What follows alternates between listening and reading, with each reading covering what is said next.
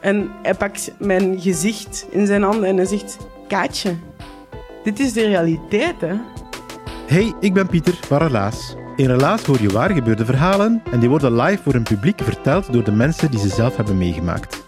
En blijkbaar, ze weten niet hoe dat, dat komt, maar sommige mensen ontdooien beter dan andere mensen. Luister naar Relaas. Je vindt ons terug op alle plaatsen waar je podcast kan beluisteren. De kip zal geen lawaai meer maken.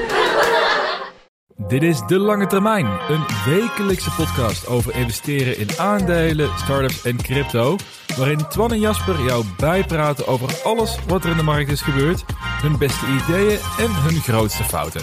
Dit is geen financieel advies. Doe dus altijd zelf je eigen onderzoek. En voor inzicht in ons portfolio ga naar delangetermijn.nl. Is het toch koud voor je of niet nu? Is goed zo. Goede temperatuur? Precies. Ja? Ja, even knakken nog? Ja? Oké, mooi. En we zijn al begonnen, hè, namelijk. Oh, we zijn al Dus- Kijk, tweede keer in de week te pakken heb. Met, eh, ah, je kreeg nog een vraag van of wij nog wel eh, whisky drinken bij afleveringen. We hebben het er nooit meer over. Of we wat? Of we veel whisky drinken? Of we nog wel whisky drinken. Ah. De vorige keer hebben we het natuurlijk over gehad, speciaal Ja. daarvoor. Maar nu kregen we ook de vraag van ehm, hoe drinken we onze whisky? Eh, zo snel mogelijk. Is dat mogelijk? Nee, Atte. Nee, niet. Dus eh, gewoon zonder ijs. Gewoon Zonder cola. cola. Oef, ja. ja, ja. Mensen doen er cola bij. Ugh. En dan goede whisky ook met cola, hè? Ja, dat snap ik wel helemaal niet. Nee. Drink dan gewoon die eh, bagger van 11 euro of zo. Maar eh, nee, wij drinken gewoon eh goede whisky van 13 euro. Ja, precies. Zonder ijs. Ja, bull Want, market eh, whisky. That's how we roll. Ja, nou ik zie dat de fles al bijna leeg is. Want die had je twee weken geleden mee. Dus had, had je hem opengemaakt hier. hoor. Ja. Twee weken later, je hebt er nog twee glazen in zitten en dan is het klaar. ja, zo zie je hoe mijn december gaat. Gaat goed, hè? Of niet? Ja, gaat lekker. Ja? Ja, Overleef je een beetje? Ja, ja. Nou ja, ik overleef december wel. Maar we hadden vannacht even een dingetje, of van- gisteravond. De verwarming stopte ermee. Oh. oh. Dus eh, ik, ik, we lagen in bed en ineens hoor ik getik. En ik denk, hé, de regen is toch al gestopt? Dus ik zeg tegen mijn vriendin, die lag al half te slapen. Ik zeg, hoor je dat ook? Huh? Huh? Oh, ja, wat is dat? Ik zeg, volgens mij is, volgens mij is dat eh, de ketel. Ja, er kwam dus allemaal water uit die ketel. Oh, nee, ook langs alle eh, eh, elektrische draden en weet ik veel wat. Dus eh, ja, die hebben we eruit getrokken. En eh, ik heb even een klein kacheltje ergens neergezet. Maar ja, vier kamers, vijf kamers. Dus eh, we hebben maar even een extra deken bij de kleine erbovenop gelegd. En een flesje whisky bij de kleine erbij om warm te blijven. En ik heb heel de nacht whisky zitten drinken. Nee, en vanmorgen was er iemand, iemand langs, dus die heeft het gefixt. Maar het is best wel aan relaxed. Als je, eh, het is natuurlijk nu niet zo heel koud. Maar als Mhm. dit twee weken geleden was gebeurd, dan hadden we een koud huis gehad. Ja, en in een nieuw huis ook nog waar je in zit. Ja, altijd lekkere dingen. Lekker, dat je er net in zit en dat het dan eh, kapot gaat. Maar ja, hè, die dingen, dat eh, is net als met computers. Dan eh, neem je iets van iemand anders over en die zegt van ja, er is nooit wat mee gebeurd. En dan in één keer, poef, ja, het ligt aan jou. Oh, ja, oké. maar je moet gewoon aan en uitzetten. dat doen we nooit. Ook een verwarming. Ja, trek eruit elke avond trek de stekker eruit. Hey, over eh, de stekker eruit gesproken, stekker erin gesproken. Heel mooi bruggetje, helemaal naar nergens heen. Maar eh, wat, wat willen wij als beleggers? Hoe willen we ons gaan verbeteren in 2024? Ja, Naast dus een warm huis hebben en een eh kacheltje Ja. en zo. Hoe willen we ons gaan verbeteren in 2024? Het thema van vandaag. Zoveel ideeën. Ja, is dat zo? Nee. Nee, gewoon bij. Ik ben eigenlijk wel benieuwd, want je doet het nu natuurlijk al eh, wat jaartjes, Ja. hier en daar. 1975. Nee, feit. De gouden jaren. Ja, dat gaan we, ja. Maar of, dat, of je dan nog steeds veel dingen hebt, waarbij je straks zegt van oké, dat wil ik verbeteren, dat wil ik verbeteren, terwijl je zo lang bezig bent. Daar ben ik wel benieuwd naar eigenlijk. Meer dan je denkt. Ja, daar ben ik al bang voor. Ja. Dus eigenlijk zeg je, als ik dadelijk 14 jaar verder ben, dan heb ik dit ook nog steeds. Ja, dat denk ik wel. Fuck. Ik denk wel. Ik denk dat het een beetje aan je persoonlijkheid ligt. Ja, dan, dan zeker. Want als ik niet, ik, niet zo snel. dat scheelt niet. Zit weer van 60 nog. Pak er maar een slok whisky bij. Ja. En afsluitend hebben we ook nog een tweetal ehm eindejaars aandelen Hmm. om bij stil te staan. Gewoon om even een beetje de swing erin te krijgen. Misschien nog een ideetje erin te gooien. Misschien dat mensen verrast worden. Vond ik leuk. Hè? Ja. Leuke afsluiting. En een heleboel luistervragen. Dus we moeten best wel snel door, denk ik, Ja. naar eh, de aflevering. En we hebben ook nog een vriend van de show aflevering. Eén van de laatste. Mhm. We hebben nog een paar te gaan voordat we switchen naar het nieuwe platform. En wij gaan het hebben over, lekker positief in deze fase van het jaar, als het lekker buiten donker is.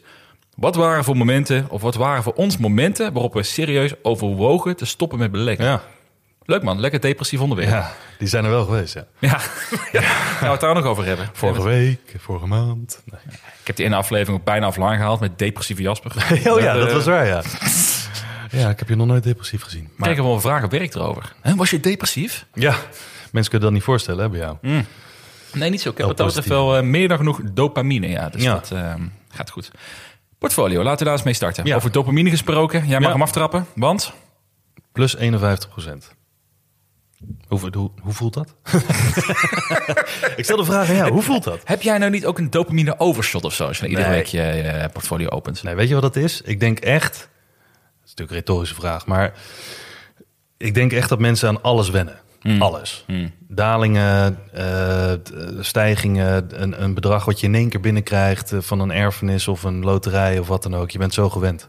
Het ene duurt wat langer dan het ander. Nieuw huis, nieuwe auto, dat soort dingen. Ja. Iedereen, iedereen past zijn levels altijd aan. En ik dus ook. Ik, het is niet, dat is wel een verschil.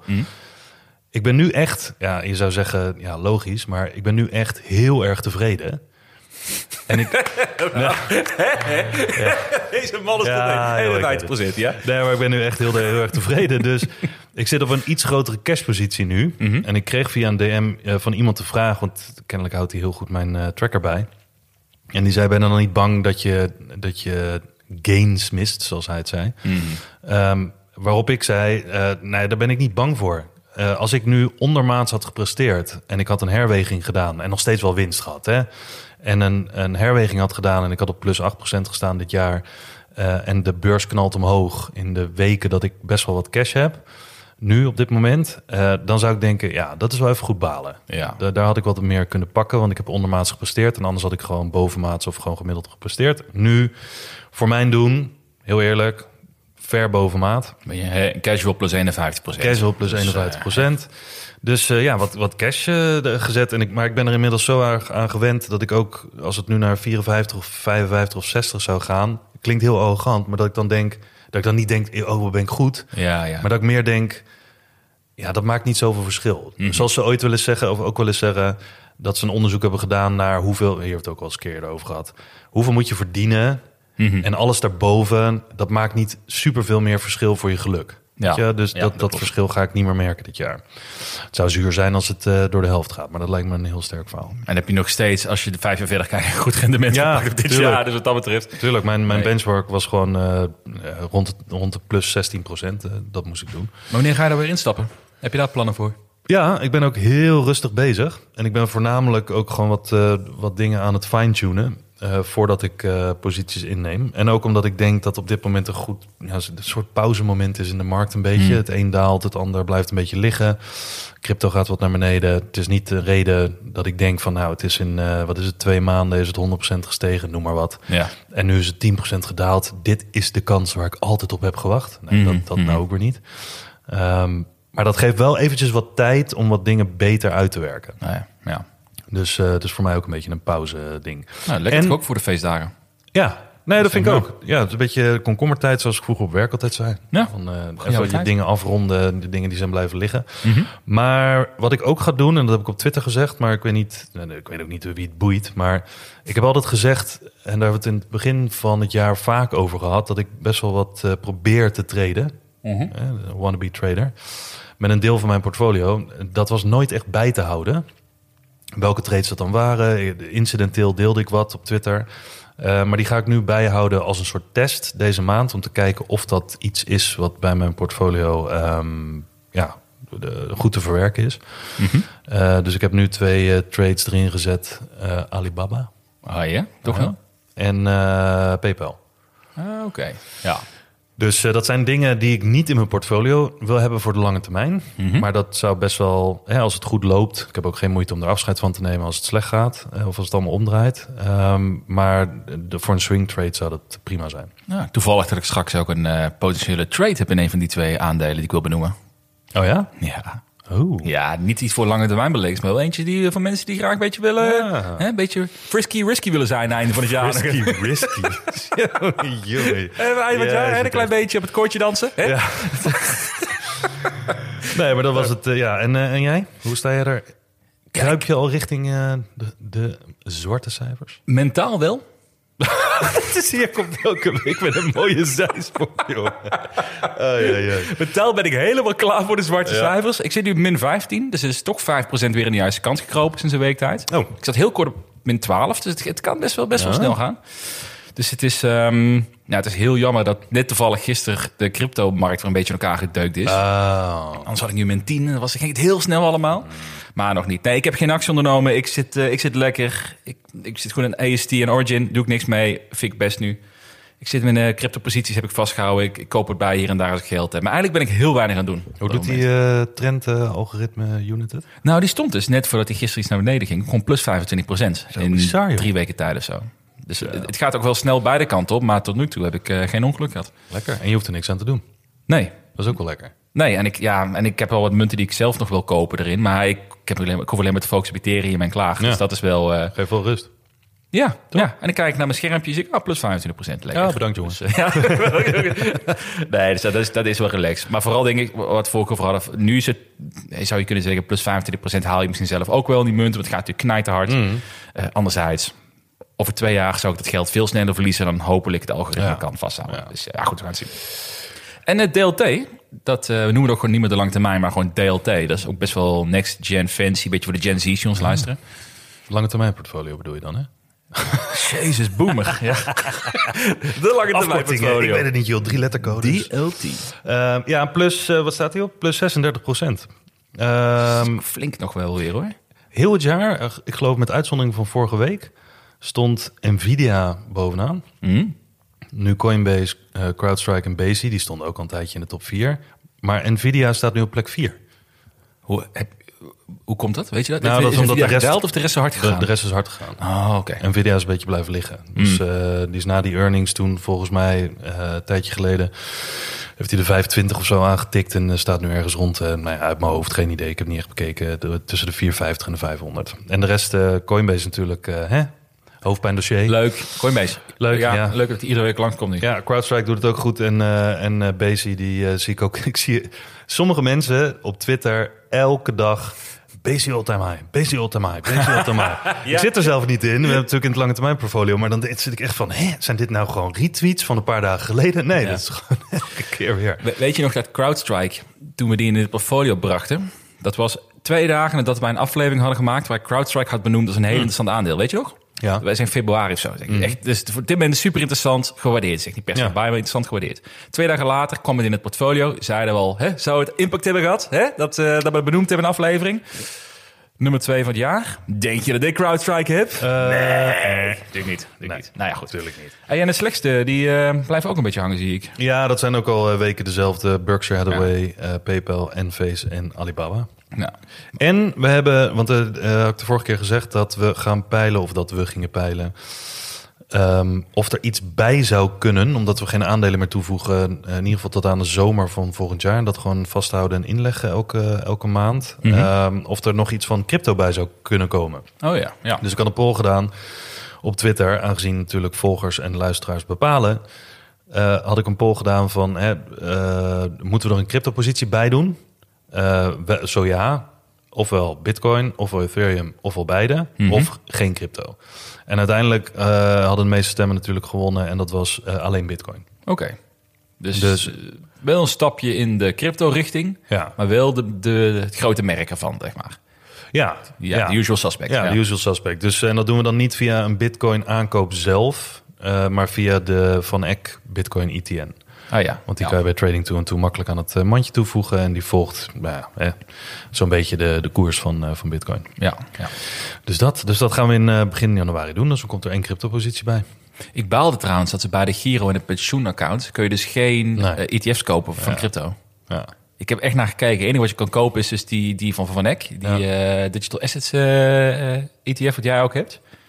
De best next thing, denk ik. Maar ik, ik baalde ervan. Want ik, ik ga gewoon hele positie in mijn pensioenaccount... ook gewoon overzetten naar Bitcoin of Ethereum. Ja, ja, ik denk dat dat voor veel mensen ook geen gek idee is. Want er zijn heel veel mensen die ik ook hoor... die zeggen van al dat geklooi met... eh, ook al is het niet zo heel moeilijk met Bitfavo... of met weet- nou ja, Amdax voor that matter... of het self-custody, dat is al Ja. helemaal een brug te ver. Maar die zeggen gewoon van... ja, ik heb mijn geld toch al bij een broker staan, zoals de Giro. Ik heb helemaal geen zin om dat heen en weer te bewegen. Ik wil ook een beetje exposure naar crypto toe. Ja. Ehm, en dan via iets wat je bij de Giro kan krijgen. En dan is het natuurlijk een uitgelezen mogelijkheid, zou het zijn. Maar ja, hij heeft dan een risicoprofiel dat je Ja. dat in je pensioenaccount kan doen. ja, dat is zonde dat dat in kan. Maar misschien met de ETF's die komen dat dat eh, makkelijker wordt. Nou, dat zou best wel eens kunnen, ja. ik ben wel heel benieuwd wat de kosten worden daarvan. Ja, Want Coinbase, kwam ik deze week al achter. Weet je hoeveel zij verdienen op de ETF's die zij allemaal gaan, eh, ja, in, in- beheer gaan nemen van de grote bedrijven? 0,1% van het vermogen per maand. Per maand. Per maand. En ik dacht dus per jaar, 0,1% per jaar. Ik dacht, oh, dat vind ik nog best wel hoog voor de miljarden die straks erin gegooid joh. gaan worden. Als je dat even compound, dan zit je op, wat is het, 1,3, 1,4 of zo per jaar? Nee, ja, zoiets. Ja. Dus dat, ben- dat ben je kwijt. Maar ik dacht, dit is een cash cow weer voor Coinbase, joh. Want al die grote partijen, of de meeste van die grote, gaan naar Coinbase als Ja. een custodian. Ja. Ja, dat, Ja. is niet normaal wat daar straks in gaat vliegen. Ja, en eh, een, een ander zijstapje in die, die is natuurlijk nog helemaal niet ter sprake gekomen, alhoewel er wel volgens mij aanmeldingen voor zijn. Die Ethereum ETF. Dat Ja. wordt helemaal een mooie, denk ik, omdat als aanbieders zoals BlackRock dat gaan doen, Ethereum kan je steken.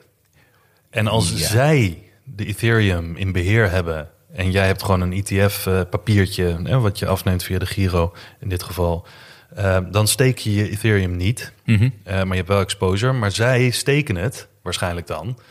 En ofwel ze kunnen de fees lager houden op Ethereum voor die ETF, ofwel ze strijken gewoon die hele Ja. staking fees strijken ze op. Ja, en dat schijnt dus, en dat is het enige waar ik nu heel benieuwd naar ben ook, dat schijnt nu dus nog het grootste vraagteken te zijn bij die Ethereum ETF. Want het klinkt fantastisch, want dan kun je dividend vangen op een groei asset, Ja. laat het zo noemen. Alleen steken, schijnbaar, als ik het goed begrepen heb, ik zie niet helemaal in. Steken wordt wel gezien als een soort financieel gewin, financieel middel. Ja. En dan zou het weer buiten de ja, legal-wise niet helemaal kunnen passen bij hoe ze het nu willen. Maar laat het aan BlackRock over. Dat Als is waar. verdiend kan worden. Zo. Ik denk dat als er iemand of een partij een eh, behoorlijk eh, vinger in de pap heeft eh, in de regulations, dan Ja. zijn zij het. En dat 3% op een totale waarde wat zij in Ethereum hebben, dat... eh, cows voor ze. Ja, dat klopt, dat klopt. Maar ik ben benieuwd, als dat gaat worden, dan eh, absoluut. Dan is Ja. het, ja, dat is ook mijn reden waarom ik in Ethereum zo dik zit. Ja. Eén van de redenen. Ja. Dus, eh, hey, het nieuwe jaar komt er bijna aan. Dat betekent dat we eigenlijk nieuwe flessen whisky moeten gaan kopen. Ja. Want jij gaat er iets te hard doorheen. En ik zit nog steeds aan de, de badge die ik begin van het jaar gekocht had. Hè? Echt? Ja, ja. Nee, ik drink alleen als jij hier bent. Echt? Ja, jongen. Ja, kijk, ik heb op zich nog steeds de Lafroy heb ik daar staan. De, Zoete de meuk. Zoete Meuk. die, is voor, die is voor de afrondende aflevering. De Liqueur 43, die hebben we gelukkig nooit gehad. Maar die gaat ook op de kaart eh, de volgende keer als we hier zitten. Heb jij liqueur 43? Ja, ja, Oh, dat is ja. het favoriete drankje van mijn vriendin. Oh ja? Die kan nu niet drinken, want die is zwanger. Maar Nou ja, dan drinken wij het maar. Zal ik hem meenemen? Nog meer zoete meuk. Oh man, ik heb zo'n hekel aan het spul. Ja, dat kan ik me voorstellen. Dus daarom is het perfect voor de eindejaarsaflevering. Met chocolaatje erbij, hè? Helemaal, helemaal lekker. maar, ehm, Uber. dus, maar, dus moet, maar dat moeten we wel fixen. Maar dat betekent dus voor 2024 dat wij ons ook moeten gaan verbeteren qua Ja. whisky smaak. Maar er zijn vast ook manieren hoe wij kunnen verbeteren als beleggers zijn. Ja. En dat is een beetje het centrale thema voor deze aflevering. En ik zei al in de introductie, jij doet het al eh 85 jaar. Mhm. Maar je ziet eruit als 50. Dus wat dat betreft doe je het echt fantastisch. Ja, dank je. Grapje hoor. ik heb al zo lang niet meer zo'n grap gemaakt trouwens. Wist je dat? Oh, het voelt als vorige week. Nou, dat is waar ook. ja, dat is waar ook. Dat is waar ook. Nee, laat maar. Nee, nou, ik meen het niet. De, ehm, hoe gaan we ons verbeteren in 2024? Ik ben dus benieuwd wat jij nou hebt opgeschreven. Je hebt ook Ja. een dagboek toch, die je er ook steeds bijhoudt? Zeker. Neem je dat soort dingen ook even- erin mee? Ik heb hem ook even teruggekeken. Ja? Ehm, nou ja, de- de- jij zei net van, heb je dan nog dingen om te verbeteren? En zijn het dan veel dingen? Hmm. Heel eerlijk, zijn het meer dingen die ik op heb geschreven... dan waar ik me echt aan kan gaan houden? Ja. Want hè, zoals ik al eerder heb gezegd, je kan je maar op zoveel dingen focussen. Dus ik probeer dan wel wat dingen te spotten die ik dit jaar ofwel nieuw heb ervaren als fouten of onvolkomenheden of wat dan ook. Ehm, ofwel dingen die ik continu niet optimaal blijf doen. Ehm, een van de dingen, en ik denk dat heel veel mensen hier last van hebben, eh, gehad in ieder geval aan het begin van het jaar, is, ik heb een van de dingen die ik op heb geschreven, is sneller reageren op een trend, reversal. Dus ehm, aan het begin van het jaar hadden we net natuurlijk, we hebben toen ook die uitzendingen gehad, of eh, de, de afleveringen gehad van, oh man, wat een tragisch jaar, 2022, december, Meta stond op 80, weet ik veel, alles was op dat moment, zag er niet uit als een buitenkans. Achteraf gezien natuurlijk wel. Maar dan heb je een soort PTSD hè, van, eh, oh man, eh, ik kan het niet geloven, er is een kleine rally. Eh, gaat het wel door? Nog steeds waren alle bears op Twitter enorme overtuigende dingen aan het posten over dit gaat doorzetten, dit wordt de ergste crash van, eh, van de eeuw of wat dan ook. Het is lekker makkelijk als je nog maar 23 jaar in een eeuw zit, maar ehm, uiteindelijk heeft me dat te laat doen beseffen dat ik eh, te veel cash had. Hm. En dat is gewoon puur omdat ik twijfelde. Eh, en ik ging dan verhalen verzinnen. Want als ik twijfel, ga ik mooie verhalen verzinnen waarom dat terecht is dat ik twijfel.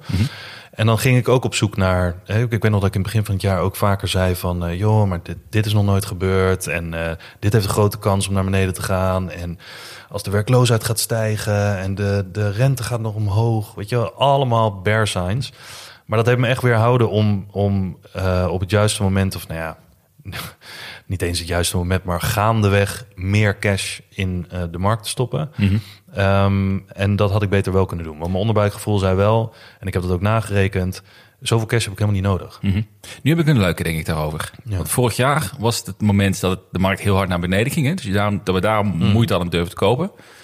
Nu is de trend omgedraaid. Nu zie je dat de markt best wel flink gestegen is dit Ja. jaar. Dat veel eh, aandelen gewoon hoog gewaardeerd zijn. Ja. Vorige keer hadden we het erover. Ik kan geen- heel weinig kansen meer spotten op dit moment. Mhm. Je hebt nu best wel weer wat cash. Of flink wat cash heb je weer geraced. Het is eigenlijk januari. Wanneer, wat ga je doen? Hoe ga je voorkomen dat je deze fouten nog een keer maakt? Eh, nou, de- de- zonder in detail te treden. Ik ben nu wel alle dingen aan het opschrijven voor mezelf. Van, het heeft vaak voor mij geen zin om te zeggen... wat ik vorig jaar niet deed, moet ik nu wel doen. Hm. Want het kan een hele andere marktsituatie zijn. Dus zomaar het tegenovergestelde doen... dat heeft voor mij vaak niet zoveel zin. Maar ik heb wel scenario's opgeschreven van... als ik bepaalde dingen spot... die rijmen met het verleden... en dan niet alleen vorig jaar, maar ook de jaren ervoor... ehm, dan ehm, doe ik bijvoorbeeld niet al mijn cash in de markt, maar dan heb ik een plan om toch die cash binnen drie maanden bijvoorbeeld toch in de markt te hebben. Dan maar iets minder winst. Maar in ieder geval dat ik na drie maanden, als die trend zich doorzet, in ieder geval een plan heb om volledig belegd te zijn. Oké, oké. Ehm, een ander goed idee zou zijn om het lump sum eh, te doen. Maar ik heb gemerkt bij mezelf, dat gaat tegen mijn natuur in. Eh, ondanks dat de papieren en eh, alle rapporten zeggen dat dat beter is. Maar ja, dan ga ik twijfelen. En nou ja, dit werkt voor mij gewoon het best. Alright. Dus een van de dingen die ik beter wil doen... is sneller reageren op een trend reversal. Klinkt goed. Dat is Ja, één. Logisch. Ja. En ja, heb jij nog een ding? Ja, zullen we hem afwisselen? Ja, laat me afwisselen. Leuk. Leuk, Ja, dynamisch. Ah. Doen we dit voor het eerst? Zouden mensen ook soms het idee hebben dat het te jolig wordt? Denk je dat? Deze, zo'n afleveringen? Want het begin van het jaar waren we best wel wat serieuzer. Was natuurlijk ook voor ons beiden nieuwer om zo'n podcast als dit te maken. Ja. Nu, nu zit natuurlijk wat, eh, wat lekkerder erin. Hebben we de jaar gedaan. Het is... eh, Iets meer whisky op. Nee, nee joh, jolig. moet Ik bedoel, het leven is toch ook eh, bedoeld om leuk te zijn. dat is ook zo. het Nee, is ons zeker een serieus onderwerp. Dus als mensen naar serieuze dingen willen luisteren, echt serieuze dingen, Mm. met zo'n monotone stem en zo, dan heb je vast heel veel andere podcasts. Ja, ik heb nog eh 100 afleveringen van Mr. Don liggen. Met, eh, als, als Wil ene. je dan zeggen dat dat monotoon Monotone 14 minuten één persoon die praat. Dus wat dat betreft. Nee, Oké, laat ik. Oké, mijn dingen waar ik. ehm, een van de dingen waar ik voor komend jaar naar wil kijken. Dat is eigenlijk dat ik gemerkt heb de afgelopen twee jaar. Zo ik veel te lang een positie kan vasthouden. Omdat ik daar heel lang enthousiast over was. Dat ik eigenlijk zie dat ze niet het waarmaken zijn. En nog steeds denk, ja oké, maar ik wil niet. Het kan nog steeds. Ik wil niet de weg omhoog gaan missen. En dat ik daarom besluit eigenlijk om dat soort aandelen veel langer vast te houden. dan je eigenlijk rationeel zou moeten doen. Misschien een stukje ehm, bewijsvoering naar jezelf. Want je wil laten zien dat je toen de juiste keuze gemaakt hebt. Of bang als je nu verkoopt. Ja, dat ik dan de, de opwaartse mis. Dat ik toch gelijk had. Een Ja. beetje als in mindere mate als met Coinbase nu bijvoorbeeld. Hè? Ja. Alleen dan nou, verkopen we op de bodem. Nu hebben we nog het geluk dat we nog met winst eruit zijn, eh, zijn gestapt. En ik denk voor mij volgend jaar is een outtake ervan. Een take-out. Om niet bang te zijn om je mening aan te passen. Als je voor jezelf kan onderbouwen dat de case niet meer hetzelfde is als dat die in eerste instantie was. Ja. Dus dat je gewoon heel rationeel moet kunnen kijken. Wat dacht ik toen, wat dacht ik nu? Komt er nog overheen. Ja. En dat Maar- is iets om te leren, merk ik wel. Maar de- dat is het, denk ik echt iets wat voor veel mensen heel moeilijk is, omdat je dat gesprek met jezelf in je eigen hoofd hebt. Hmm. Je hebt het, het duiveltje en het engeltje op je schouder. Die gaan een gesprek met elkaar voeren. En jij bent degene wel ergens die ook een actie eraan moet verbinden. Ja, ja. En dat is hetgene wat, denk ik, voor veel mensen... die hebben dat gesprek al met zichzelf. Die zeggen van, ja, ik zou weten... of ik weet dat dit eh, geen zin meer heeft. Ik weet dat er opportunity costs zijn. Ik weet dat er een sunk cost fallacy aan vastzit. Want ik heb zoveel tijd erin gespendeerd en weet ik veel wat.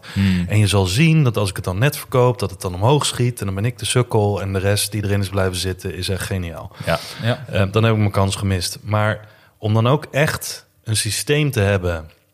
waar we het al eens eerder over hebben gehad... dat als je bijvoorbeeld drie of vier red flags hebt... Mhm. en drie van de vier worden aangetikt... dan moet je voor dat, door dat systeem moet je dat wegsnijden. Ja. Ehm, want emotioneel en psychologisch of mentaal in je hoofd dat gesprek hebben, daar kom je niet uit, denk ik. Nee, je vindt altijd Dus wel een dat reden om te blijven. Ja, klopt. Omdat je, niet, het- omdat je niet...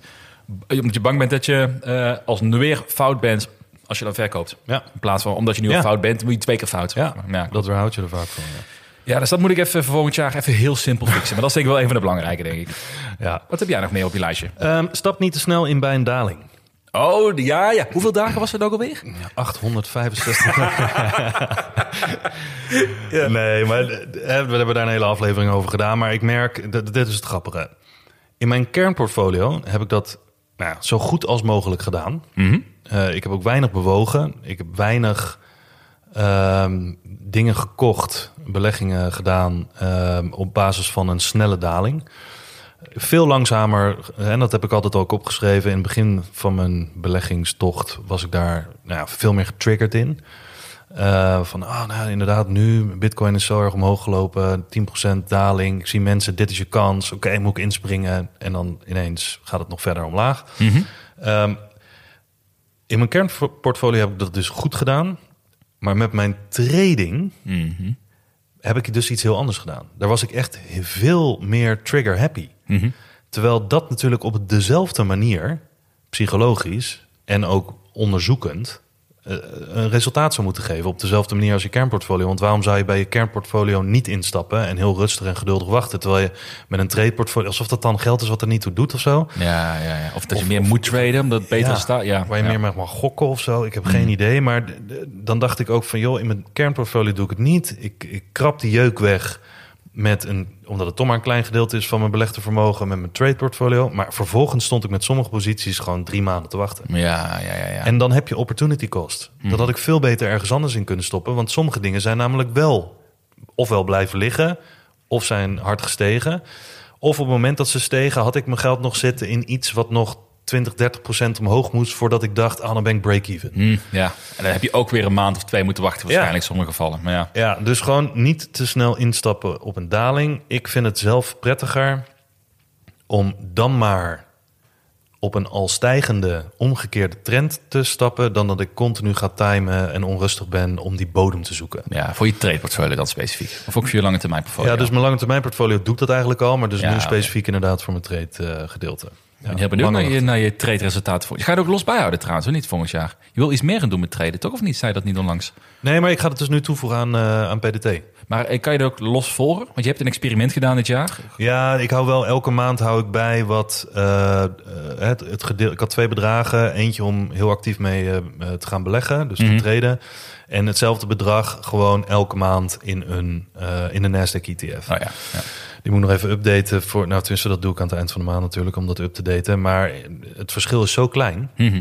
Omdat ik met mijn trade portfolio maar twee momenten heb gehad in dit jaar dat ik echt een slechte beslissing heb gemaakt. En dat heeft me bijna de kop gekost als het gaat om de race met, eh, met dat passieve gedeelte. ja. Dus die staan nagenoeg gelijk. Dus kan ik dan zeggen dat al die moeite het waard is geweest? Nou, ik heb er veel van geleerd, maar qua rendement had ik het net zo goed niet kunnen doen. Was wel leuk. Het was Dus net, net als een avond stappen waar je net een paar biertjes te veel Ja. hebt. Had ik die moeten doen? Nee, maar het was wel leuk. ik heb er echt van genoten. Veel hoofdpijn, veel geld gekost, maar eh, Mm. nou ja, ik snap. Ja, en dat jij er nog één. Jazeker. Ja, ik had dus een eentje die mij steeds meer eh, mij doet beseffen. Ik zit best wel in een sterk geconcentreerd portfolio. En het komt ook... Ja, af, ja, af en toe. Ja. Maar mijn perceptie in mijn hoofd, en dat, daar, daar kan ik nog steeds niet van afstappen... is pas als je geconcentreerd portfolio hebt... dan kun je ook significante resultaten boeken. Oh. Want ik denk, de positie is groter. Dus als die 10% stijgt, heb je serieuze groei. Ja. Alleen dat is dan... Wat ik me begin te beseffen is... Ja, leuk als die 10% stijgt, maar dat doet het aandeel ook niet iedere dag. En Nee. zo'n aandelen kunnen net zo goed de dag daarna ook weer min 10% dalen. Dus over een, een week of twee misschien gesproken... kun je hele snelle stappen zetten. Of dalingen. Maar over een jaar tijd maakt het eigenlijk helemaal niet zoveel uit. Want dan je totaal, het rekt zich wel tot het totaal zeg maar, van wat je uiteindelijk hebt ingezet. Ja. Dus wat voor mij het dus belangrijkste, maar een van de belangrijkste constateringen was, ook voor komend jaar, is dat het niet per se nodig is om geconcentreerde bets te blijven maken, mits je meerdere goede kansen ziet. Oké. En het begin van het jaar, denk ik het mooiste voorbeeld vond ik dat we eh, eerst een paar weken hadden we echt een, een vijf, zes aandelen die ik je zo uit de mouw kan schudden. hè. Je kent ze allemaal, Adobe, Airbnb, nou goed, ik hoef ze niet meer opnieuw op te noemen, CrowdStrike.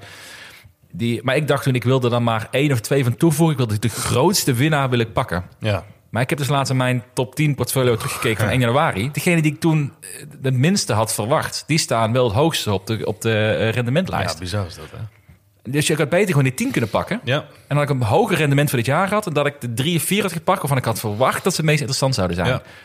En ze, het outperformt mijn portfolio nu massaal. Ja. Dus, dus, dus Die dat van is, mij, die zou waarschijnlijk die van mij ook pas gepasseerd zijn, toch? hij staat nu op plus 81% voor dit Ja, jaar. nou, dat- dat bedoel ik, ja. Ja, no bueno.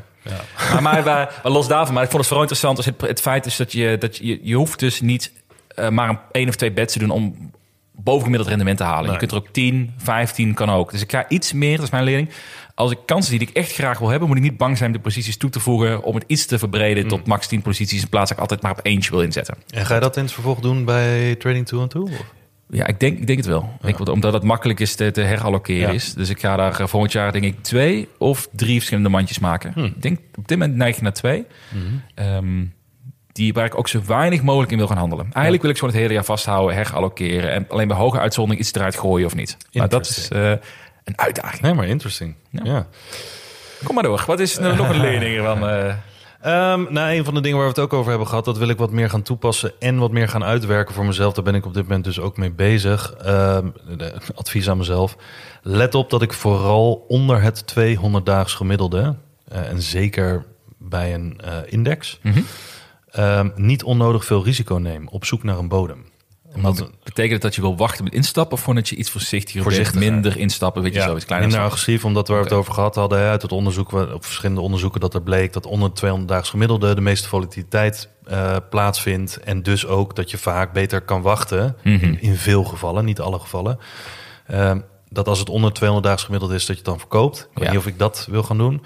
Eh, maar dat je pas weer koopt als de, als de trend om een keer bevestigd is. Hmm. Dat hij dus weer boven dat 200 daags gemiddelde zit. Omdat daaronder is het gewoon een stuk risicovoller. Want je, je bent dips aan het vangen met blote handen. Dus eh, Ja, klopt. klopt. eh, dat wil ik wat meer gaan doen. En een andere, want dit was een korte.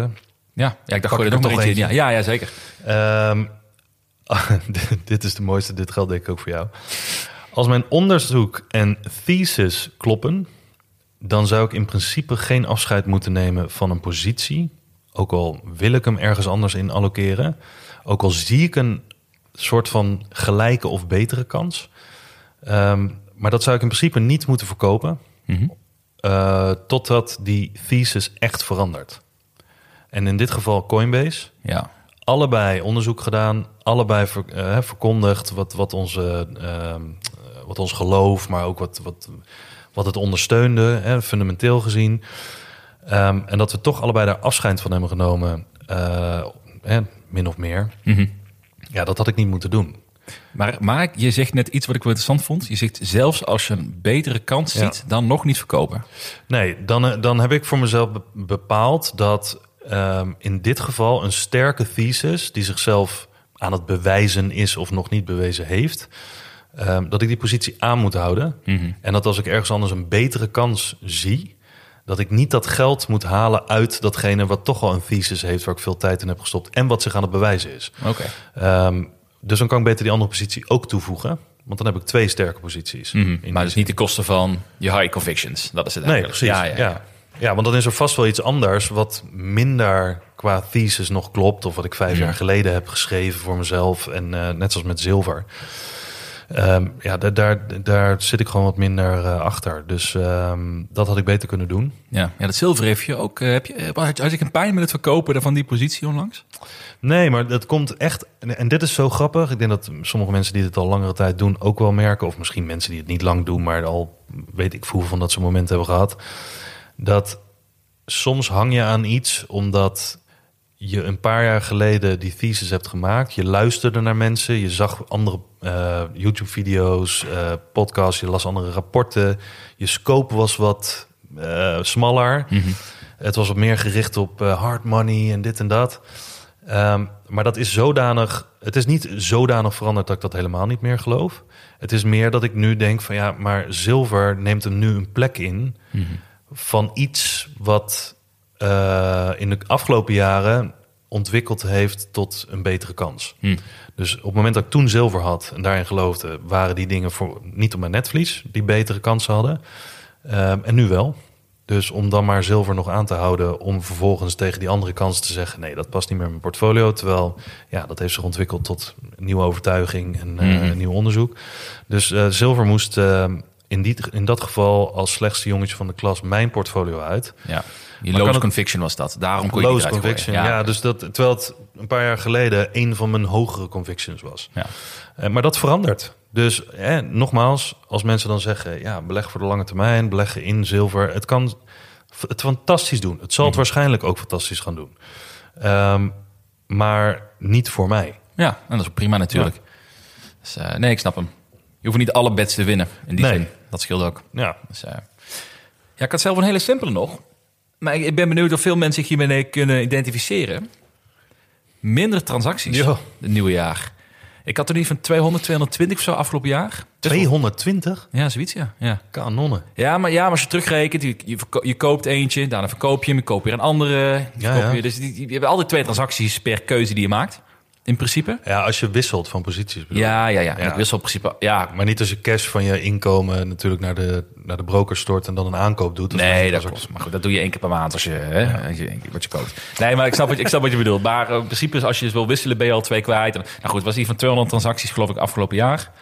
Ja, en dat, dat, ik vind op zich niet zonde van transactiekosten. Is deel van het blijft. Hè, veel mensen zeggen over transactiekosten, maar het blijft peanuts als je kijkt naar de gemiddelde portfolio, denk ik. Anders, Ja. tenzij- anders doe je echt te veel handelen voor de Ja. grootte die je hebt. Ehm, in mijn geval blijft dat peanuts.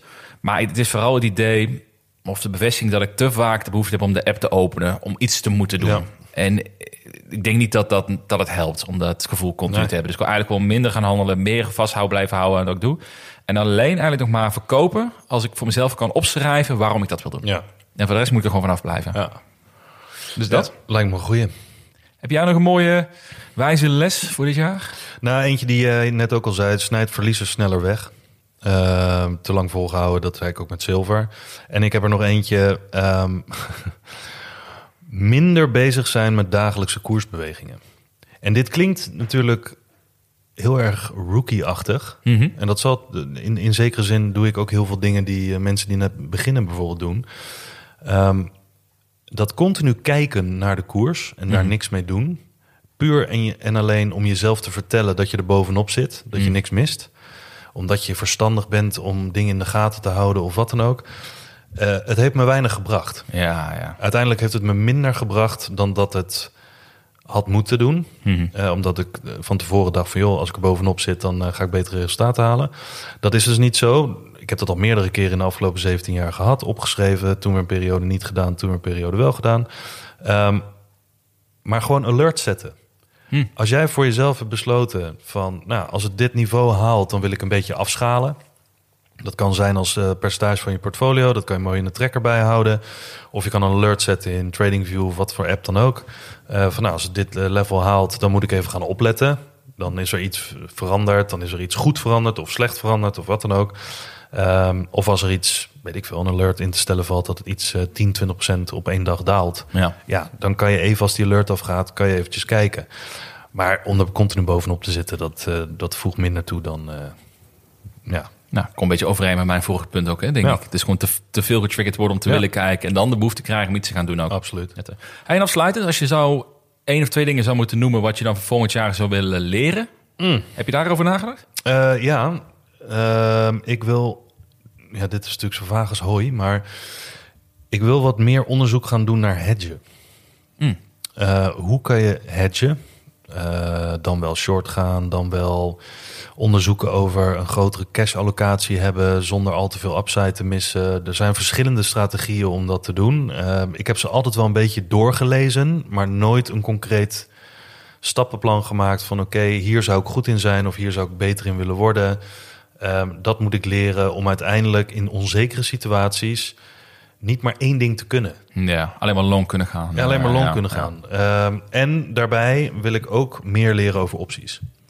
Oké. Niet alle optiestrategieën, niet eh, de- zoals de specialisten erin zitten, maar ik wil gewoon ook meer leren over opties schrijven en eh Mm. weet je wel, covered calls, dat soort dingen. Dan Ehm, wordt meer basis, veilige tussen meer de- haakjes, vormen van opties. ja, ik weet er nu minder dan de basis vanaf. Ja, zo. En dat vind Ja. ik zonde. Eh, niet dat ik er misschien 100% zeker iets mee ga doen. Maar het, het, het voelt niet lekker dat er iets is waarvan ik gewoon minder dan de basis weet. Terwijl het voor heel veel mensen ook een onderdeel is van hun strategie. En het kan Ja. überhaupt ook helpen bij hedgen natuurlijk. Dus eh, Absoluut, Ja. absoluut. Ah, leuk. Dus daar gaan we volgend jaar ook meer over horen. ja, Nou, ik, ben, ik ben benieuwd hoe het gaat worden met opties. Ik heb alleen maar geld verloren daarmee namelijk. met hedge en met opties. Dus eh, ik, ik hoop dat ik voor jou kan leren Ja, als, nou ja. als jij kan uitleggen. En jij nog dingen die je wil leren in eh, 2024? Nou ja, ik heb eigenlijk gewoon een... eh, ik ga jouw voorbeeld volgen, heb ik besproken. Met mezelf. was een leuk gesprek. Om een, eh, een eh, dagboek bij te gaan houden. Oh, Dus omdat ik merk dat ik eigenlijk ook een behoefte heb nu om terug te, te lezen naar wat ik begin dit jaar vond. Want ik kijk nu naar de koers. Ik zeg, ah, fuck, had ik me ingestapt toen. Maar ik, had er, ik, ik weet niet wat mijn emotie toen was. Want ik besloot niet in te stappen. ja, En nu doe ik aannames. En dat vind ik Ja. eigenlijk wel vervelend. Want dan leer ik nog steeds niks, eigenlijk. super leerzaam. Ja, dus ik wil dat gaan doen. En ehm zie je zo'n in Notion zo'n pakketje koop... waar je gewoon heel makkelijk een dagboek voor jezelf kan aanmaken... Ja. en met beleggen dat ik zoiets ga fixen.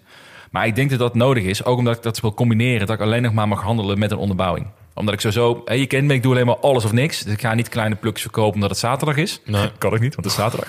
Maar eh, dus het gaat altijd best wel om flink wat geld. Flinke keuze die je maakt. En dat, daar mag iets meer achter zitten dan... oh fuck, ik denk de koers hoog staat, ik ga verkopen. Ja, precies. Dus Ja. dat, eh, dat mag je wel van jezelf verwachten, vind Ja. ik, na een tijdje. Dus, eh, dus dat ga ik proberen. Dus ik heb al een roze dagboek gekocht ook. Fluffy. Fluffy, met, met zo'n vachtje eromheen, een klein slotje. ja, dus dat wordt een feestje. man. Wordt een feestje. En zal ik nog heel snel afsluiten met nog twee aandelen om even onder de aandacht te brengen? Ja. Gewoon even voor de mensen die denken van, eh, hè? Hè, weet je, hè? beetje schwung, beetje ideetjes. Doen, Zo? doen. Oké, ik ga er wel snel doorheen. Want het, het zijn ook geen aandelen voor de zekerheid die al... Het zijn geen aandelen die mijn wishlist staan waar ik denk... oh, die ga ik morgen kopen. Maar het zijn wel aandelen die een beetje een verhaal met zich meebrengen... die je misschien kan interesseren. Eh een daarvan is Pagaya Technologies. Heb je daar ooit van gehoord? Ja, Oh ja, echt waar? ja. Nee. Nee, ik zie jou kijken, ik geloof je voor een meter. Nee. Nee, Pagaya, dus, dus, dit is echt zo'n aandeel perfect voor traders. Oh, denk ja? ik. Ik heb er een keer met Trader Ted op Twitter over gehad. Dat ding gaat alle kanten op. Dat, eh, dat gaat plus 100% in de maand. Weer 100%, eh, nou niet 100%, 50% naar beneden. Mhm. Dus het is best wel leuk om daarmee te traden. Eh Pagaya, wat zij doen. Pagaya is een fintech bedrijf die leningen uitgeeft door middel van AI. Eigenlijk ze geven leningen aan mensen die de banken niet durven aan te nemen. En met hun Ah. modellen zeggen zij beter te kunnen onderbouwen of iemand echt een lening niet waardig is, ja of nee. Zo, risky shit. Dus op zich wel interessant. Beetje zoals Upstart. Ja. Is misschien wel een bekende voor je. Ja, ja. Nou, die wordt hier vaak mee, mee vergeleken. Ook een bedrijf waar heel veel speculeerders in zitten, die prijs enorm volatiel is. En eh, nou, wat is er nou gebeurd? Recent is een CFO opgestapt. Dat brengt ook altijd een beetje koersstorm met zich mee. Het staat weer eh, relatief laag. Maar niet alleen maar dat het te speculeren leuk is. Er zitten een paar kleine dingen aan die ook wel interessant kunnen zijn voor meer een beleggersperspectief. Het is niet alleen maar een gamble. Eh, Ze verwachten 1 miljard omzet te maken in 2024. Maar een market cap ligt nu op 900 miljoen. Dus je Oh. betaalt onder de één keer de omzet voor zo'n bedrijf. Die wel gemiddeld iets van 25% de komende jaren zal blijven groeien. Dus dat, dat is wel interessant. Dat zie je niet vaak. Bedrijven met zo'n groei en zo'n waardering. Nee. Dan zou je denken, nou, dan zullen ze wel eh, schulden hebben als een malle en zwaar verliesgevend zijn. Ook niet. Volgend jaar verwachten ze namelijk ook winstgevend te worden. Dus dat is ook nog eens een keer een goed signaal. Dus speculatief, maar een groeitje, winstgevendheid erbij. Hè? Waarom beweegt dat dan als een mal? Is dat omdat er enorm veel retailers in zitten? Ik zo? denk het wel. Het is ook zo'n vermalige spek. Dus het gaat sowieso alle kanten op. AI. Ja, dat is ook zoiets waar Ja. mensen veel in zitten. Ja. Voor mij hebben ze ook wat uitdaging gehad het jaar om aan hun eh, verwachtingen te voldoen. Ook zoals heel veel van die bedrijven hebben. Renteverhoging heeft natuurlijk ook niet geholpen. Bij Upstart zie je ook dat ze van, denk van 80 naar 12, naar 36, naar 25 zijn gegaan. Het gaat alle kanten op. Dus is, eh, ik weet niet of het per se iets is om je lange termijn portfolio op te houden. Daar heb ik niet genoeg naar gekeken. Maar voor traders kan het wel leuk zijn. En ik denk als je kijkt, de koers is nu 1,25 dollars. Nou, als je kijkt dat een bedrijf zoals dit toch wel drie, vier keer de omzet waard zou kunnen zijn. Ook omdat ze verwachten winstgevend te zijn volgend jaar. Dat is meer dan reëel. Zou je dus kunnen kijken naar een upside van 140 tot 200, 250 procent. Best wel interessant, denk ik, voor speculeerders die dat durven. Iets voor je training account misschien. Maar dus wel echt speculatief. Echt volatiel. Ehm, nog niet genoeg naar gekeken als lange termijn belegger. Maar eentje die me wel is opgevallen. Beetje van de zijkant van mijn oog, zeg maar, die ik in de gaten hou. Dat zijn vaak de beste. Ik had er nog nooit van gehoord. Nee, dat, ik ben blij dat je het toegeeft. Ja. dit gehoord dat dan... eh, Nee, joh. dan had ik jou vanaf nu de groeibelegger genoemd. Sowieso trouwens, je zit veel meer in tech-aandelen... dat ik begin van het jaar toegaf. Ja. Dus dat is waar. En de tweede, de laatste waar ik eh, snel doorheen wil... dit is denk ik een leuke. We hebben het best wel vaak over crypto met z'n tweeën. Alleen, er zijn natuurlijk best wel veel mensen... die gewoon niet de kennis hebben of niet willen... om een eigen wallet aan te maken... om een account te openen bij een eh, exchange... om bij Bitcoin of Ethereum te kopen. Nou, daar is een oplossing voor. hè? Je kunt gewoon een ETF kopen via je broker. Ja. Maar ja, als je nou net een stapje hoger wil op de speculatieladder... want het is december, laten we onszelf een cadeautje geven. Hè? dan heb je, en ik wist niet dat dat bestond, weet ik pas sinds kort... eh, Wisdom Tree heeft namelijk een altcoin ETF. Wist je dat?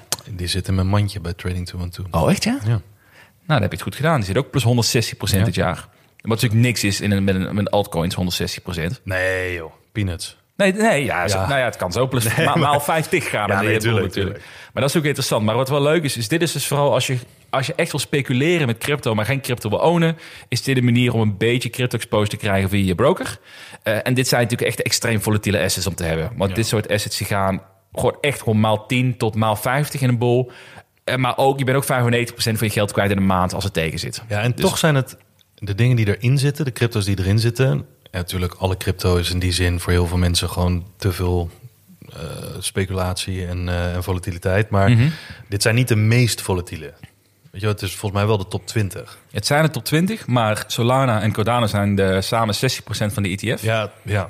En Solana is van 220 gegaan naar 9 Ja, oké. in een jaar tijd. Cardano is van 3 naar 10 cent of zo gegaan, geloof ik. Ja, nee, maar voor, voor, even voor het beeld, voor mensen die bijvoorbeeld al wel iets ervan weten, maar Ja. denken van, oh, is dit dan echt zo'n microcap Hmm. eh altcoin back eh, gedoe? Eh, nee, dit, dit zijn natuurlijk wel een beetje in de cryptowereld zijn dit de, de, wel de gevestigde namen. Ja, zijn het de top 20 coins zit hierin. Dus dat is goed dat je het aangeeft. Het zijn geen volledige rockpool, rotzooi shit wat erin zit. Dus dat, dat scheelt. Dus, dus dat kan denk ik leuk zijn als je daar iets mee wil doen. Dan heb je ook een optie in, in altcoins. En precies wat je zegt, Mhm. je hebt alleen exposure, Ja. want je, Ja. je bezit niks in die zin. Hè? Oh, zo. Ja, Dus dus als je- crypto-liefhebbers dan... Dan crypto-liefhebbers die gewoon zeggen van... joh, ik wil alles in mijn eigen wallet hebben of eh, alles bij Binance. ja. Nee, maar die mensen kopen ook geen Bitcoin-ETF, denk ik. Nee, nee dat is serieus wil houden. Nee, dat is Dus waar. Maar niet dat eh, mensen denken die daar niet in zitten van... oh, dan doe ik hetzelfde als mijn buurman die dat al jaren over crypto heeft, bij wijze van spreken. Je hebt gewoon exposure eh, voor de prijs. Goed punt. Je gaat ook mee alleen op de, je- leunt mee op de koers. Ja. Het kost je ook 1,35% per jaar een ETF kosten. Ook best wel fors. Ja. Ja, dat staat niet in de verhouding wat je ermee kan winnen of verliezen. Maar eh, nee, als je echt crypto wil ownen, moet, kun je beter de moeite nemen een half uur om een wallet aan te maken en een beetje te lezen hoe het werkt. Maar ja, goed, dit kan een makkelijke stap zijn Absoluut. voor de liefhebbers. Ja. Hebben we ook nog een paar luistervragen? ook nog eens een keer. nog. Moeten we er een paar uitzoeken? Wat denk jij? Of moeten we ze allemaal behandelen? Moeten een paar eh, bewaren voor volgende week? Nee, we gaan er even snel doorheen. Oké, oké, je hebt er zin in. Beursbroekie. Beursboekje, ja. Wat is jullie grootste doel om in 2024 te bereiken? Grootste doel? Grootste doel. Eh, mijn grootste doel is om het niet te verpesten. Ah, daar is de inner Raoul Twan. Ja. Komt hier binnen. Raoul Paul zegt vaak? Don't fuck Ja, up, don't, fuck, don't fuck it up. Nee, goed, in die zin, we hebben het er al een keer erover gehad. Maar, ehm, en wat ik ook eerder zei... als je in een trend zit... eh, zorg dan dat je blijft zitten. Mhm. En eh, ga niet lopen klooien. Eh, ga, dat, eh, ja, ga niet te veel lopen sleutelen, op andere dingen springen en dergelijke. Want gewoon blijven zitten is gewoon het beste. Mocht er zo'n situatie komen dat, hè, zelfs ook met crypto, maar ook met eh, fintech of wat dan ook, eh, dat in het nieuwe jaar dat toch een, een vlucht gaat nemen. Je weet het Mhm. niet, er is een kans. Ehm, dan ben ik wel van plan om daar zo min mogelijk aan te klooien. Ja. Ehm, want waar wij het ook al een keer over hebben gehad, zeker met crypto. Als je in, de, in het verhaal gelooft, waar ik een grote kans in acht dat dat zo is, dat voordat die hele markt volwassen is of kapot gereguleerd wordt of wat dan ook, ehm, dat er nog misschien één, één zo'n periode komt waarin je flink gekke dingen kan gaan meemaken, dan, eh, ja, dan moet je daar niet aan de zijlijn staan. Nee, precies. Dat, Ja. dat is misschien mijn grootste doel om, eh, om te bereiken. Dat ik eh, niet halverwege al van de trein ge- ge- geflikkerd word. Ja, leuk. Don't fuck up. Ja. Nee, maar het is wel een goed punt. Ik denk, zoveel kans als dit. Het is zo- zoals wij erin geloven, dan krijgen we dingen niet heel vaak meer. In ieder geval is onze perceptie. Hè? Dus, Ja. nou ja, voor mij, ik denk voor mij het grootste doel is om eind 2024... om in ieder geval de keuze te hebben... om bijvoorbeeld een half jaar ergens anders te gaan wonen... of half jaar niet te werken of zoiets dergelijks. Het is niet, Oh ja. niet dat dat de be- behoefte is... want het eh, bevalt meer dan prima met eh, waar ik nu zit ook. En ik heb helemaal geen zin om een eh, half jaar rent te rentenieren. Maar puur het gevoel dat je het vermogen hebt... om te kunnen doen wat je wil Ja. dat dat geld, nou het zo zeggen, dat geld een minder belangrijke rol is. Dat je meer kiest met je ergens in gelooft. En ook dat je daar een andere keuze kan maken. Ik denk dat dat gevoel heel bevrijdend is. Ja. Denk ik. En op zich zit ik tot zekere mate nu ook wel aan. Maar nog niet dat je zegt van... Oké, ik, ik zou nu niet bijvoorbeeld eh, vijf jaar vrij kunnen pakken... en zeggen, jongens, eh Nee, jullie maar. Precies. En dat zou ehm, mooi zijn als het eind 24 lukt. Maar dat, dat is ook alleen als ik don't fuck up. Ja. En daar ben ik wel goed in geweest de laatste. Dus misschien is dat je grootste doel inderdaad. Ja, dus een keertje don't fuck up. Hey, eh, Baby Genius heeft ook nog een vraag. Goeie naam ook trouwens. Ja. Historisch is vaker gebleken dat een rente, een daling van de rente, ook tot stevige dalingen op de aandelenmarkt kan leiden. Hebben jullie in dat, manier een, dat geval een manier om je portfolio te beschermen of geloof je daar niet in? Wat wil jij doen als de rente stijgt en je portfolio daalt volgend jaar? Nou ja, omdat ik niet goed weet hoe ik moet hedgen. eh, heel eerlijk, gewoon echt op een hele effectieve manier. Ehm, zonder de masseltjes mee te tellen en de bescheiden toestanden. Maar de manier voor mij om zoiets in mijn portfolio te verwerken, zodat ik een beetje beschermd ben of niet volledig exposed ben, zijn twee dingen. Eén is ehm, cash. Dat is voor mij de beste manier. Eh, en twee, zorg voor genoeg inkomen. Zodat je, zoals ik het altijd zeg, staying power hebt. Want eh, dat het naar beneden gaat en dat je niet op tijd bent uitgestapt, niet de top hebt getimed of wat dan ook, dat kan iedereen gebeuren. Maar als jij halverwege die daling eh, iets moet gaan verkopen omdat je anders geen geld hebt om ervan te leven of je bent je baan kwijt of wat dan ook. Ja, dat is killing. Dat- dat, dat kost gewoon 10, 20 jaar voordat je dat weer te boven bent. Dus, Ja, ehm, dus, dus dat zijn mijn twee dingen, cash en, ehm en cashflow. Ja, nou vind ik een goeie. Ik denk wel een goede bescherming eh, is dat. Nou ja, ik, zit- ik denk zelf, ik zou er meer mee moeten doen. Ik, denk, ik speel nu een beetje met dat short arc verhaal en zo. Maar ik heb nog steeds geen, ook geen goede manier om te hedgen. Ik weet het niet of ik er... Nee, dat is een foute indruk. Maar ik wil zeggen, ik weet niet of ik erin geloof. Maar dat is een fout van mij, omdat ik, het, het hoort er gewoon bij. En ik denk, het afwijzen om niet te willen hedgen of willen beschermen... is denk ik een fout. Besef ik eigenlijk al. Eh, maar ik heb er nog geen manier voor. Nee. Ik, ik heb geen goede manier om als dit gebeurt, dan doe ik X. Of als X dan doe ik, doe ik Y. Dus dat, Gewoon een eh, verzekering kopen. Ja, maar ja, hoe? Ja. Nou ja, dus er zijn, er zijn verschillende manieren om een verzekering te kopen. Het is alleen, niet elke manier is voor jouw persoonlijkheid of jouw portfolio of wat dan ook is geschikt. Dus Ja. dat, dat is best nog wel het puzzelen. Je leest er genoeg over, maar het is niet altijd eh, even makkelijk te implementeren. Nee, en het gaat een beetje tegen mij aan in als optimist. Ja. In de zin van, het komt wel goed Ja, uiteindelijk. dat. Dus Ja. dat, dat is vooral de lastige, denk ik. Dan beursbedweter. Eh Twan is al bijna twee decennia... Oké. hij is wel, ja, oké, hij is wat genuanceerd. Twan, Twan is al bijna twee decennia bezig met beleggen. En Jasper ook vrij intensief. Hebben jullie momenten gehad dat de beurs je weinig kon interesseren? En zo ja, hoe ging je hiermee om? Momenteel lijkt het alsof jullie eh belegpsychologie ademen en fundamentele analyse. Ja. Ehm, ja, eh, kon het me weinig interesseren. Eh, ja, genoeg. Mhm. Genoeg momenten. Eh, ik, ben, ik, ben, ik ben heel veel momenten ben ik beu geweest. Ehm, en dat waren ofwel de momenten waarop ik soms dacht van, kan ik het nog wel? Mhm. Van, Dit jaar of de voorgaande jaren? Nee, voorgaande Oh, jaren. dacht nog. Nee, Oh, kut, ik sta maar plus 14 Nee, Kan ik voorgaande dit nog jaren. wel, jongens? voorgaande jaren. Of een, een beurs waar gewoon er niet zoveel gebeurt. Ja, dat, dat is vooral eh, killing natuurlijk. Ja, dus ehm, dat soort momenten, en dat, dat kunnen momenten zijn waarop het best lang duurt. Ja. Waarop ik dan echt denk van ja, wat is er nou weer te melden? Weet je, helemaal niks. Of je leest alleen maar nieuws wat continu herhaald wordt. Mhm. Omdat er gewoon ook letterlijk niks te melden is. Een beetje komkommertijd. Ja, Ja. de- vooral in de zomer is dat vaak zo. Afgezien van deze zomer. Maar de- dan, eh, ja, dan ben ik het wel eens beu. Want dan ben ik mezelf beu. Ja, maar het natuurlijk vervelende voor ons, denk ik, als ik het zo mag invullen, is dat wij natuurlijk ook wekelijks erover willen praten. Ja. En we hebben natuurlijk ook al gewoon weken gehad waarbij we dachten, ja, we hebben eigenlijk helemaal niet heel veel nieuws. Waar moeten we nu eigenlijk over hebben? Omdat we eh, niet iets is wat ons prikkelde per se in die week. We Ja. vonden altijd wel iets leuks, denk ik, om over te babbelen. Ja. Want er is zoveel om over te lullen.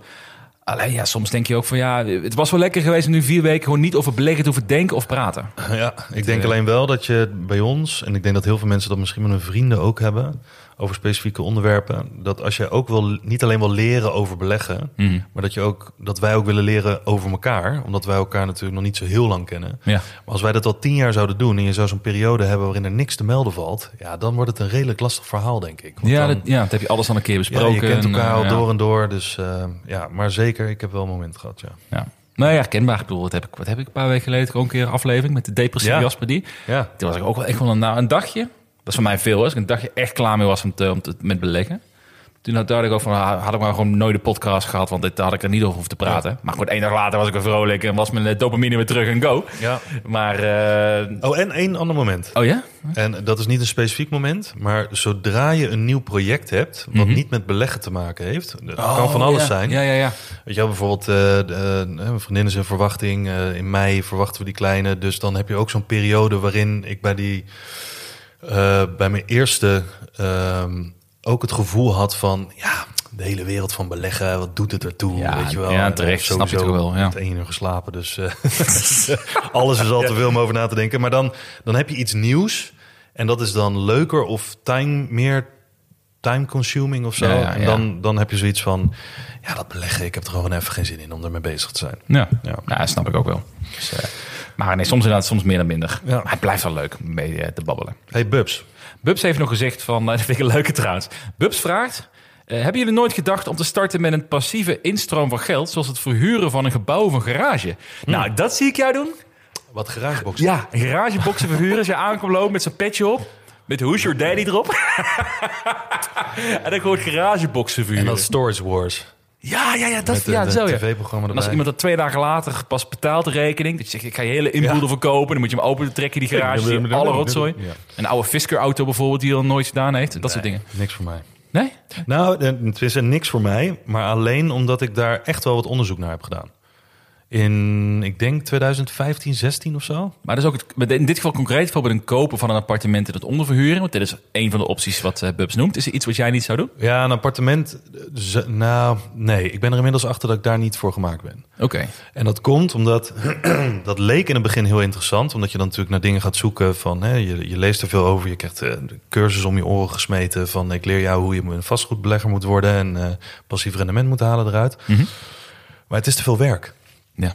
Dit klinkt heel lui, maar ook daar weer moet je echt heel veel verstand van dingen hebben. Je moet veel zelf kunnen. Je moet erbij betrokken blijven. Het moet jouw area of expertise zijn. Dat is het niet van mij. Dus dat zou betekenen dat het eh, een beetje half-half kan niet. Ja. Dat heb ik ook Ja. van mensen gehoord die erin zitten. Ehm, en ik wil mijn tijd besteden aan de andere kant van het verhaal, namelijk beleggen, eh, eh, op de hoogte blijven, werk maken van wat we nu doen. Mhm. Ehm, daar wil ik meer tijd aan besteden, dus daar heb ik dan gewoon geen, geen tijd voor. En ik heb wel eens gekeken naar garageboxen. Ehm, maar ook daar, Niks. veel kapitaal. eh, natuurlijk kon je daar een lening voor krijgen en dergelijke. Maar gewoon niet interessant genoeg versus hetgene wat ik al kon en kon verbeteren. Ja, precies. Dus ja. Nou ja, snap ik. Ik geloof zelf helemaal niet in passief inkomen. Ik denk Nee? niet dat het bestaat. Nee, omdat je er altijd wel iets voor moet doen. Ja. Ja. Gewoon puur het idee, het principe Ja. van, principe van, eh, van passief inkomen. Ik koop iets en het rendeert mij voor de rest van mijn leven en ik hoef er nooit naar te kijken. Dat bestaat gewoon niet. Nee, het is of een in ieder geval, mooi term. ja, of als het bestaat, dan, dan, dan is het alsnog actief in een bepaalde manier. Of je hebt ontzettend veel werk in de voorkant moeten doen om passief te zijn. En bijvoorbeeld als jij een, e-book schrijft, bijvoorbeeld, zou je nu kunnen stellen als passief inkomen. Ja. Maar ja, als je niet actief blijft promoten, verkoopt het waarschijnlijk niet meer. Nee, je hebt er een hoop tijd in moeten stoppen. Ja, je bent er eh, 100 uur whatever aan de voorkant mee bezig geweest om daar aan te komen. Ja. Dus als je gaat doorrekenen. Hè? Dus, dus, nee, ik geloof, ik geloof daar niet zo. Het, het, het voelt lekker om te kunnen zeggen, maar ik geloof er niet zo in dat dat zo eh, voor 99% haalbaar is. Nee, maar ik denk wel dat als je passief inkomen gewoon voor cashflow eh, ver- vervangt, Hm. hè, de, die term, dat er genoeg dingen zijn die je cashflow kunnen geven, die minder, of die een zekere mate van moeite kosten. Dus bijvoorbeeld Ja. een garagebox zou voor mij heel veel moeite kosten, een appartement nog meer, maar een dividendinkomen vanuit beleggingen dan weer minder. Ja, Minder moeite. Eh zou ook minder opleveren misschien, maar, eh, ja dat klopt. dus, maar dat is dan een zekere mate van passief versus actief. Ja. Maar hetzelfde wat wij met deze podcast doen en daar met de lange termijn. Is ook toch inkomsten die we daar verwachten uit te halen ook. Maar dat is ook alles behalve passief. Maar het kan gezien worden van ja, hij maakt een podcast per week, schrijft artikeltjes, dus het is redelijk passief. Nou, Nee, Amahula, kan ik je vertellen. intensief inkomen is dat. Intensief inkomen, ja. Nou, lekker dit. En wij gaan door met de Vrienden van de Show aflevering. Best wel wat, weer wat eh, dingetjes besproken. Ja. Veel wijsheden, fouten, tips. Twee aandelen, mocht je er nooit van gehoord hebben... die je kan, eh, eventueel iets leuks mee kan doen ook. Veel luistervragen. Ik vond het geslaagd. Vond jij? Ik ook. Ja? Ja. Mensen hebben net een hardlooprondje weer afgemaakt... in de takken kou buiten. Ja, we zitten net onder het uur, dus we moeten afronden, man. Ja, fuck, moet opzitten. Oké, geef een score als je het leuk vindt. Geef een score als je het niet leuk vindt, maar doe er wel vijf sterren. Want dan zeg je dat je het echt niet leuk vindt als je vijf sterren geeft. Hey, dat, dat is pas omdenken, hè? hey, we gaan afronden. We gaan door naar de eh, volgende aflevering.